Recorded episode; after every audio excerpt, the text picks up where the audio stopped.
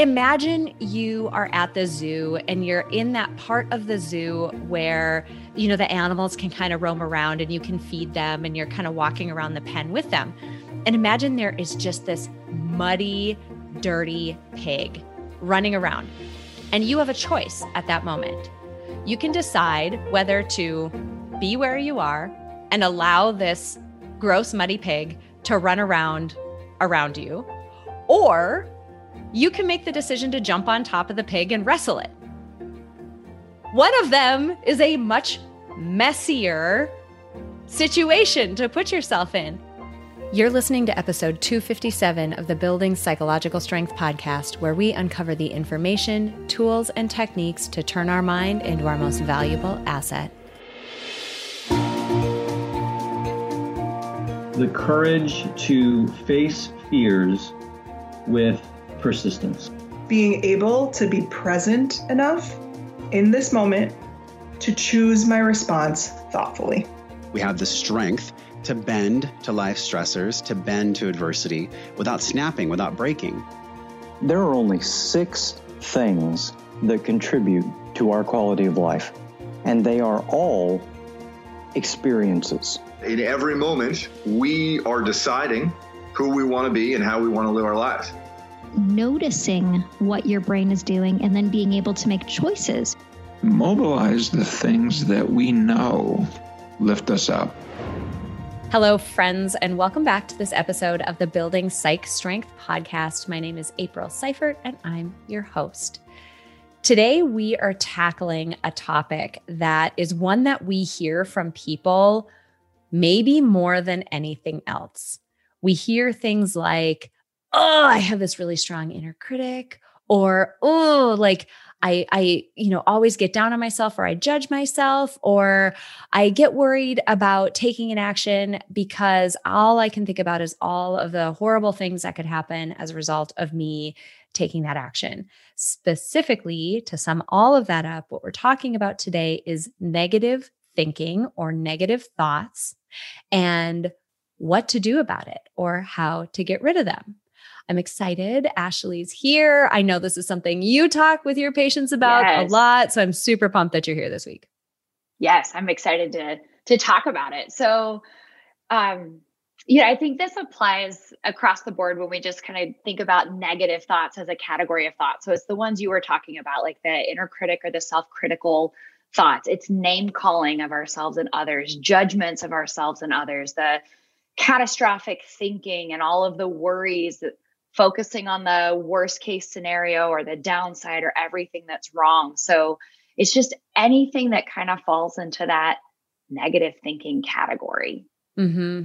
Yeah. And I can remember, you know, there were a, a couple of, and I'm going to go to some of the most difficult times in my life, like really difficult times in my life when I actually ended up going to therapy myself just because I couldn't get a handle on this. And a lot mm-hmm. of it did center around these negative thoughts. It was thoughts that I was working so hard to try to avoid and mm-hmm. to get rid of. I didn't want to have to focus on them. So I've spoken very openly about having postpartum anxiety. There were some intrusive thoughts with that. There were also just like thoughts about um, I was having trouble breastfeeding at the time. Like that was really difficult. And I'm like, mm-hmm. I can't go into public with this baby because I'm not going to be able to feed her and she's going to be crying. And like all the cat- catastrophic yeah. thinking that goes with that. And this is why this is so important because guess what I did then? I didn't go into public. I completely changed my behavior. My world became so much smaller. Like, you know, when we uh-huh. when we talk about an episode like this, we're like, oh, we're talking about negative thoughts. It can seem so surface level, but when you think about the impact that our thoughts have on our behavior and on and on our life experience, right? You're really talking about a big, deep topic here, which is why we wanted to cover it. Absolutely. Well, and I like that you're that you're willing to share these personal examples, but in that case, you know what you're what you did to get rid of these negative thoughts was avoid the situations that triggered them. Yeah. And that's what a lot of people do, right? It's so natural to want to get rid of these negative thoughts because they're uncomfortable, they're unpleasant, they lead to feelings of anxiety or sadness or anger or guilt or shame or embarrassment or disgust. A lot of times when we have those feelings, it's, it's they're being driven by negative thinking. Now, not always, and that's a different topic for a different day, but these negative thinking has such a huge impact on how we feel, how life feels, on what we do. So, of course, people want to get rid of them. And it's every aspect of our lives, right? In every our romantic aspect. relationships, in our professional uh, yes. realm of our life, when we're parenting, even when we're by ourselves, the relationship we have with ourselves is impacted mm-hmm. by these.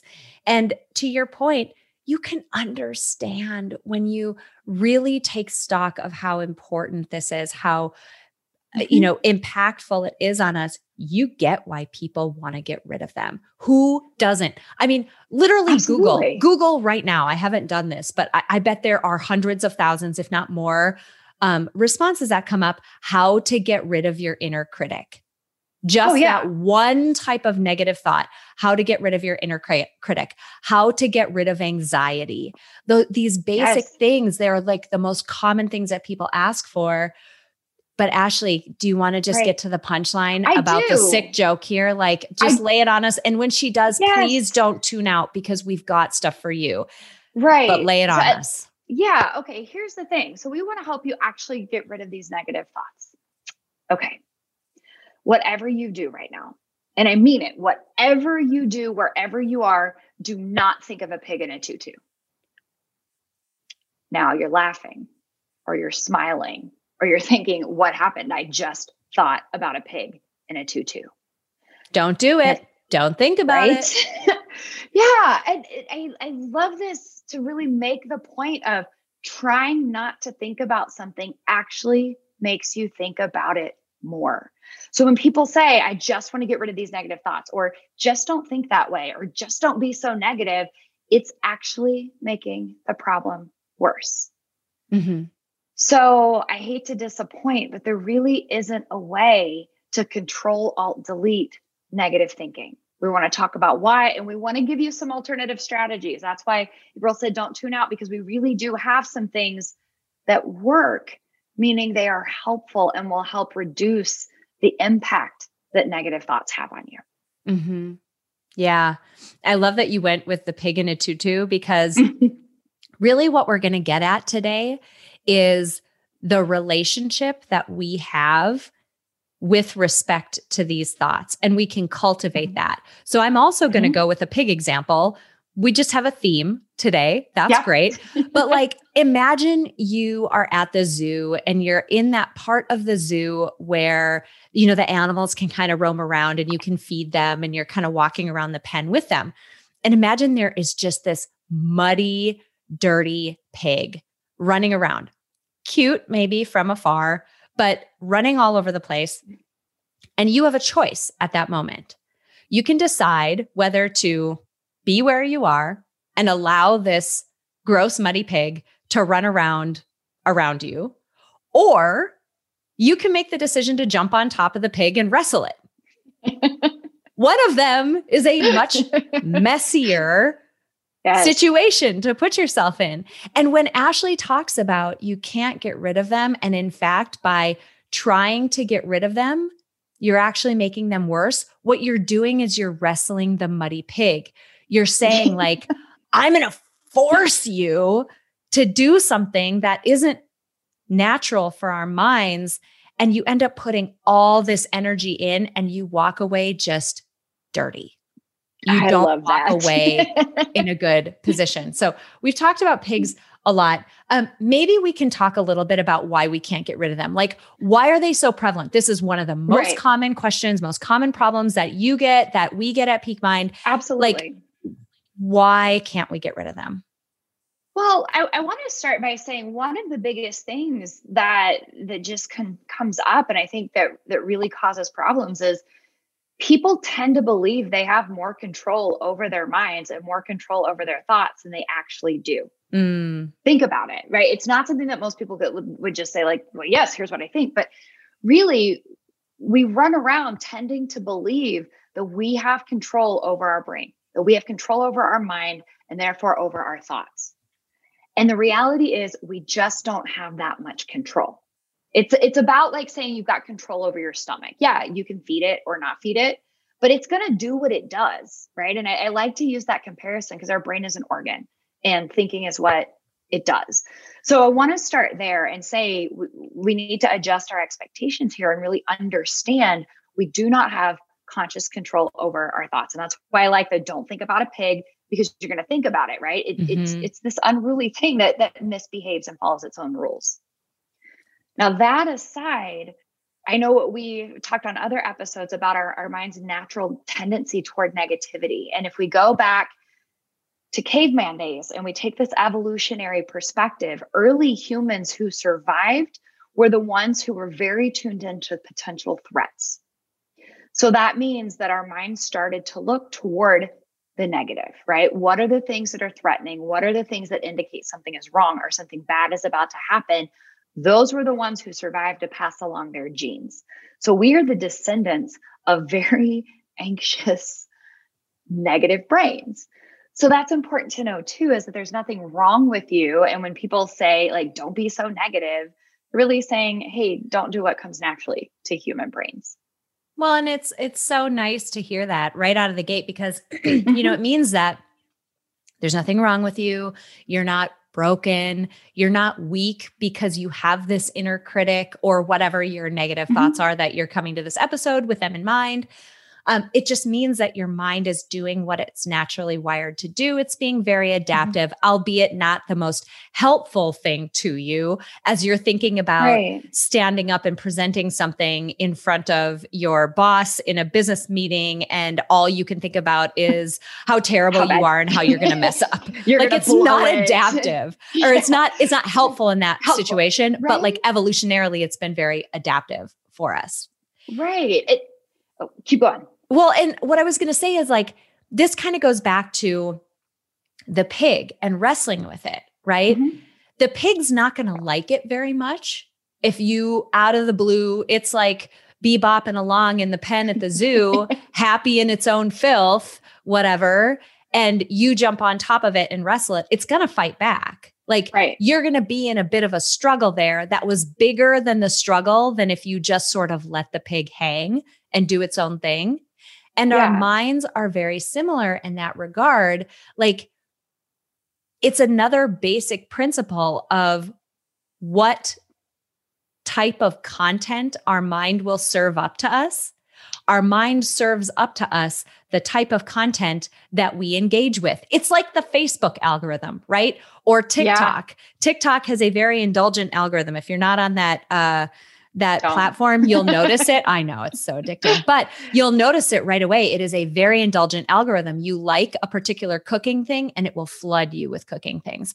Our mind has that type of algorithm baked in that if you are doing the equivalent of liking something, and liking just means wrestling with it and paying attention to it. Watching it's gonna it, right? yeah, yeah, it's gonna Giving serve it. you more of that yeah and, and i think that's one thing that um, we need to to really kind of hit here is that negativity becomes a habit. Like it's our natural inclination mm.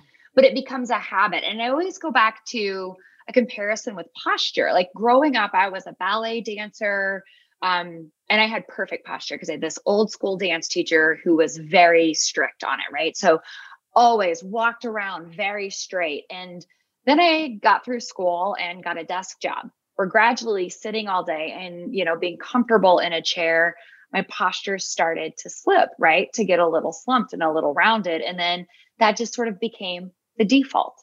Now i'm trying to correct it again by being more aware of when i'm slouching and correcting it and it's very much the same thing. So negativity is our natural inclination but the more we kind of indulge it and give into it the more it becomes our habit and our default Mm-hmm. And here's so we, what's really mm-hmm. cool about this. I want to like drill into that habit piece really quick. Mm-hmm.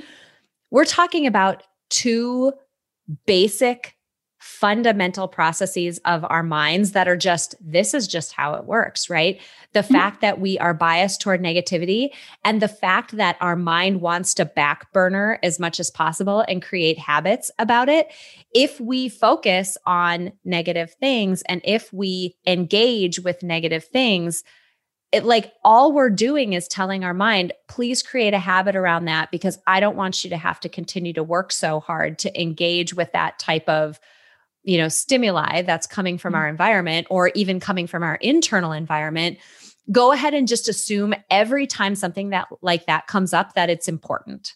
Like just go ahead and assume that. Like create yeah. a back burner heuristic that like is it negative? Yes. Okay great. It's important yeah i like I, i'm going back to that tiktok analogy i really liked that of just it's like oh cool you like this content even though you might be saying but i don't like these thoughts it's not what are you saying with your words? It's what are you saying with your attention? Yeah. right? So think about like a toddler at the grocery store mom mom i want a candy bar. No i want a candy bar. No throws a fit so you give the candy bar what did that kid learn not what you mm-hmm. told it like i don't tantrum no what the kid actually learned was tantrum and get a candy bar tantrum and get mm-hmm. what i mm-hmm. want right so when our minds tantrum with these negative thoughts if we're given into meaning we're paying attention to it we're listening, we're letting it influence and control our actions, we're given into candy bar.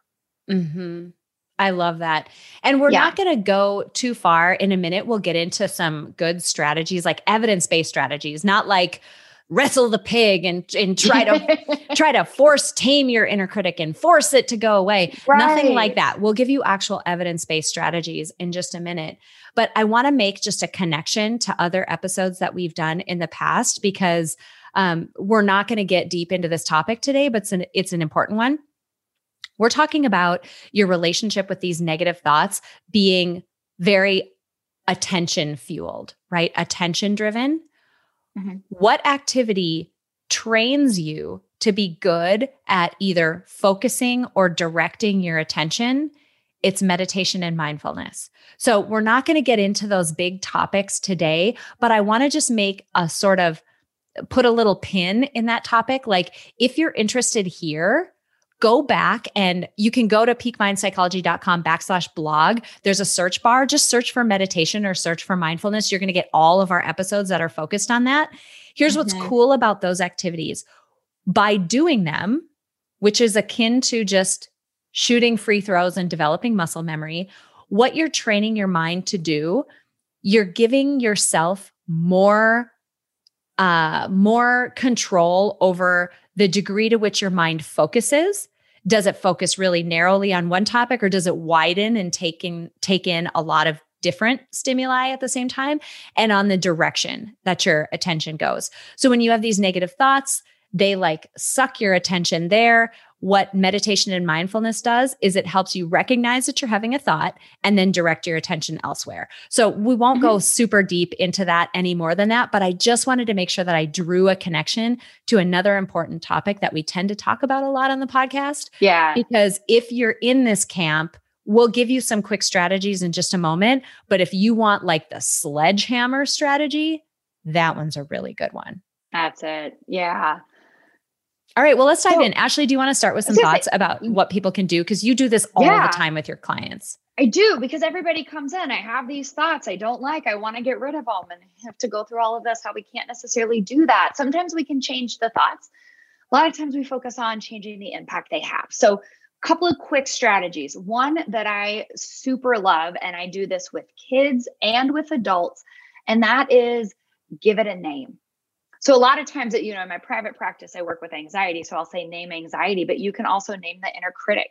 You can name just that voice of negativity. If you have the one that's the discounting the positive, the yeah, but I won the lottery. Yeah, but I have to pay taxes now. Um, give it a name. It's going to sound a little cheesy, but what that really does is help you recognize, oh, that's just bossy Bob talking, or that's just the critic, or that's just I don't know, the catastrophizer, whatever name you want to give it, it helps separate you from it and it makes it a little bit easier to to just tune out. Mm-hmm. And I like too that the you know you mentioned like the recognition of it um mm-hmm. in some ways even thinking about a person not you like but a separate person other than you who really personifies what that voice yeah. sounds like. I've talked in w- long, long, long time ago. I had, I did an inner critic um, episode, and I talked about my own inner critic and the voice that he has. It's a man, a man's voice in my mind. And I named him Rick. And I said, okay, this guy went because it felt like a very, um, apologies to anybody named Rick out there. You are a fine Right. person. You are not this person. But I know one Rick in particular who this fit really beautifully with. And what that allowed me to do is say, no, April, this is not you. This isn't the truth. This isn't an accurate prediction. This has nothing to do with you. This is just this separate person who's sort of speaking in this moment. So even like a, Mhm. a- the person's name who best personifies or best prototypes this particular voice, uh, name it that person's name. I actually really love that one and uh, couldn't come up with. I wasn't. I didn't want to use a name that might offend, but you're absolutely yeah. So right. Rick's And- out there. You are lovely. Sorry, Rick. It is. It, set that one. if you are the one Rick, you probably don't even know. We probably have a Yeah. lovely relationship too. But anyway, Yeah. it's all fine. It's not you. yeah. Anyway, but that's a great strategy is just to give it a name. And the other one that's kind of similar, but a little bit of a different take on it. Uh, so, strategy two is to name the story. So, mm, you will probably notice that you have a lot of the same thoughts every day because thinking is a habit. Yeah. We have the same thoughts. I don't know. I think I've seen like 90% of your thoughts are a repeat. I like to call them frequent flyers. But if you have this frequent one, name the story. Is it the you're going to fail story? You're going to die alone story. Everybody's going to leave you story. The you let everybody down. The I'm a bad mom story. yeah. Oh, yes. People can't be trusted. The world is a terrible place. Like, what is that negative story? Give it a name. And when you notice it, you say, oh, there's that. I'm the failure story. I've heard that one before.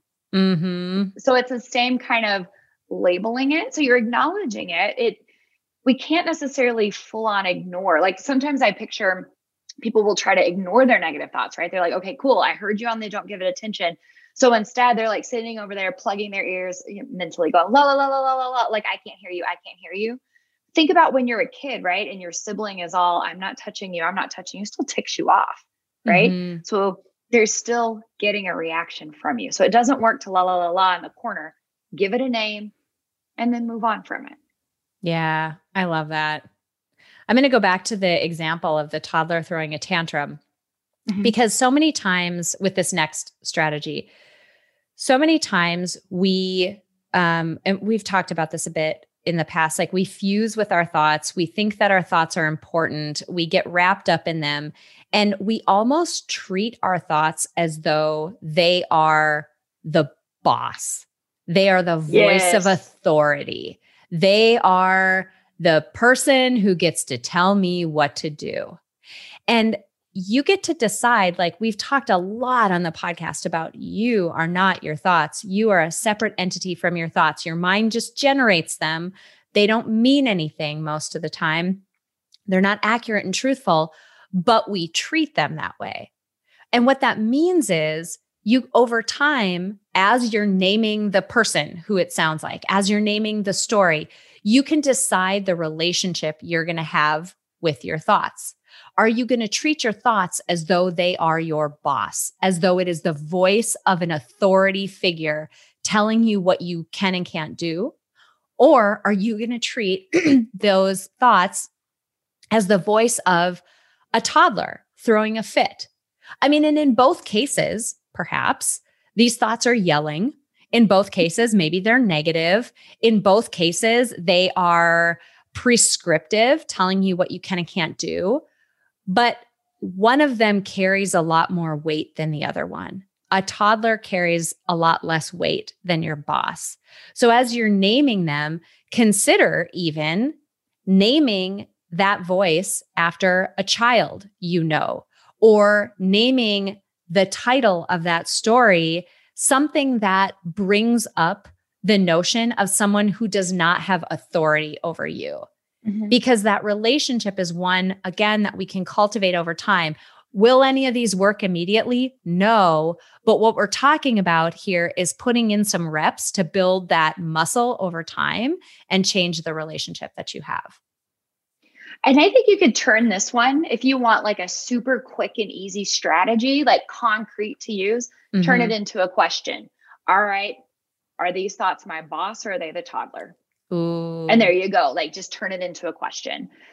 And as we move into the last strategy, it's a little bit of a different one because so far we're really, and we tend to really focus on changing our relationship to our thoughts, understanding that we don't want to wrestle the pig, right? Because doing that makes a bigger mess. There are sometimes strategies that actually involve changing the content of your thoughts. So, changing, mm. like actually changing what you're thinking. That's what this one is. It's the but at least. It's a balanced thinking. So, when I think about negativity as the, you know, I won the lottery, yeah, but I have to pay taxes on that money now. That's the the mind finding the yeah, but just taking anything and spinning it negative. Uh, one of my favorite strategies is to find the but at least. With kids, I call it flip it, like flip mm. it from a mm. negative to a positive. So that would be, but at least I got a lot of extra money I wasn't planning on just from a $1 investment in a lottery ticket. Or, um, oh, why am I going? I'm going blank, and that's really embarrassing on a podcast recording. But at least I'm getting to sit here and talk with April, and I know she'll jump in if I flounder too much. right? So we can take anything and find the but at least because it's there. So that's another strategy to really counter negativity, particularly with that flavor of negativity. You can do it with the critic too. I messed up that part of my presentation, but at least no one seemed to notice. But at yeah. least it's over with. But at least I did everything else well. So yeah. that but at least balancing is a really awesome strategy to use. This is really similar to an episode that we did recently on the difference between gratitude and toxic positivity. We hit on a very mm-hmm. similar thing where we're not asking you in this case to ignore reality. But as Ashley mentioned, our minds are biased toward negativity. They see it more often, they weight it heavier, they believe it more quickly and more strongly.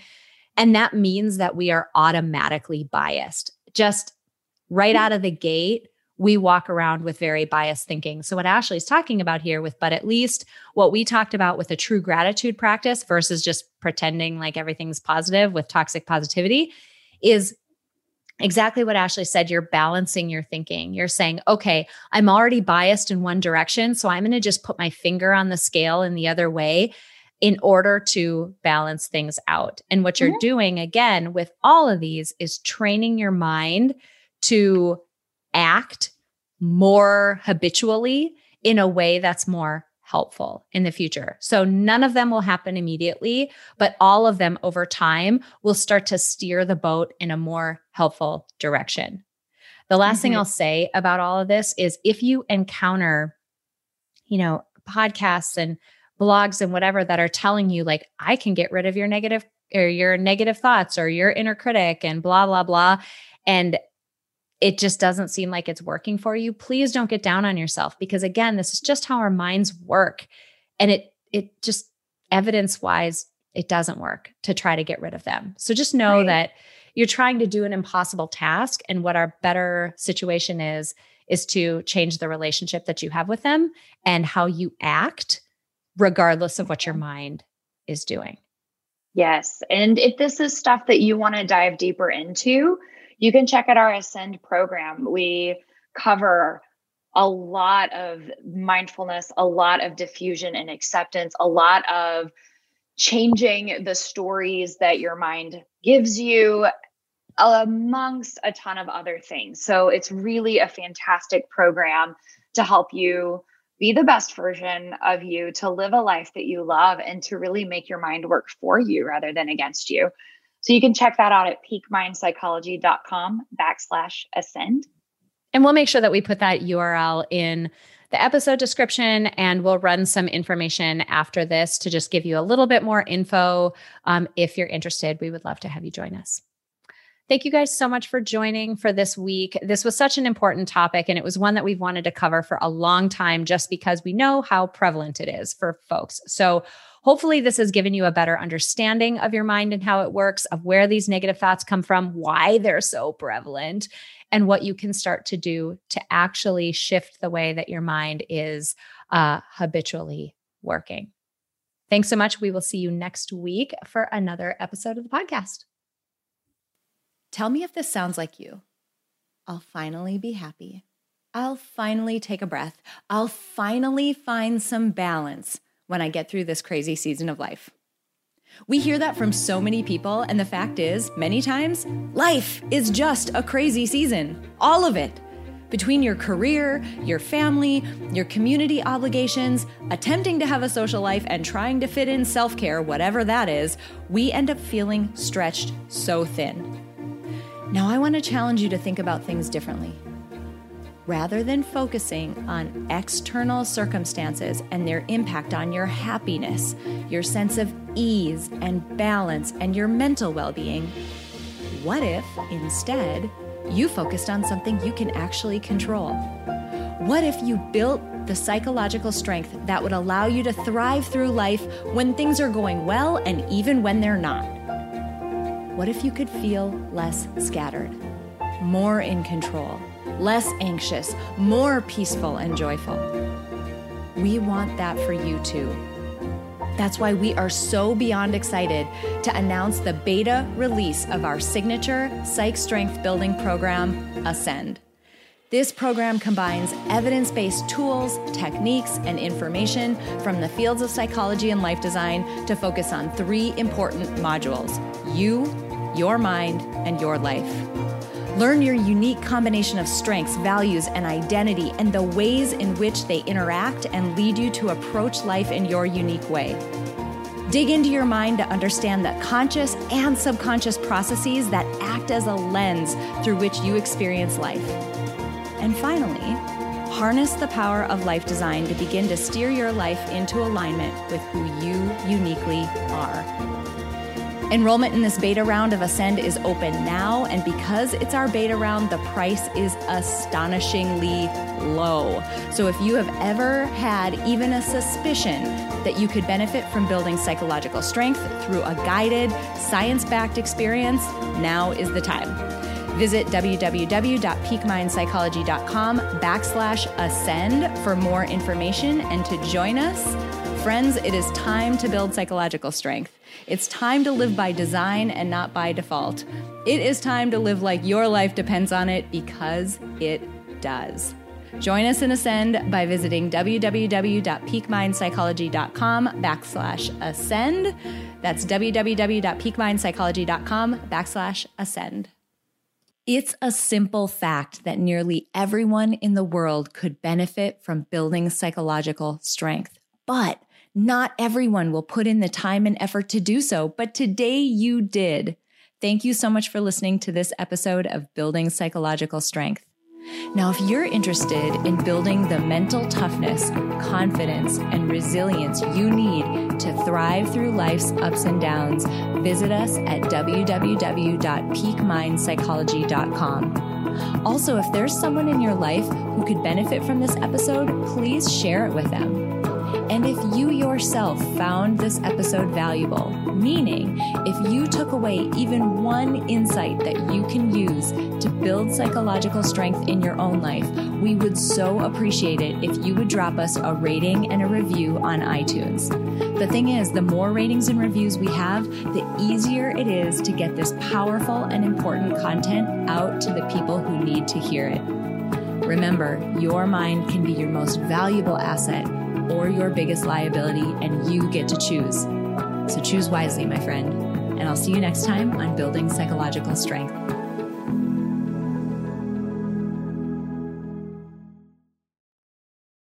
At Parker, our purpose is simple. We want to make the world a better place by working more efficiently, by using more sustainable practices, by developing better technologies. We keep moving forward. With each new idea, innovation, and partnership, we're one step closer to fulfilling our purpose every single day. To find out more, visit parker.com/purpose. Parker, engineering your success. As humans, we're naturally driven by the search for better. But when it comes to hiring, the best way to search for a candidate isn't to search at all. Don't search, match with Indeed. When I was looking to hire someone, it was so slow and overwhelming. I wish I had used Indeed. If you need to hire, you need Indeed. Indeed is your matching and hiring platform with over 350 million global monthly visitors, according to Indeed data, and a matching engine that helps you find quality candidates fast. Ditch the busy work. Use Indeed for scheduling, screening, and messaging so you can connect with candidates faster. And Indeed doesn't just help you hire faster. 93% of employers agree Indeed delivers the highest quality matches compared to other job sites, according to a recent Indeed survey. And listeners of this show will get a $75 sponsored job credit to get your jobs more visibility at Indeed.com slash podcast. That's Indeed.com slash podcast. Terms and conditions apply.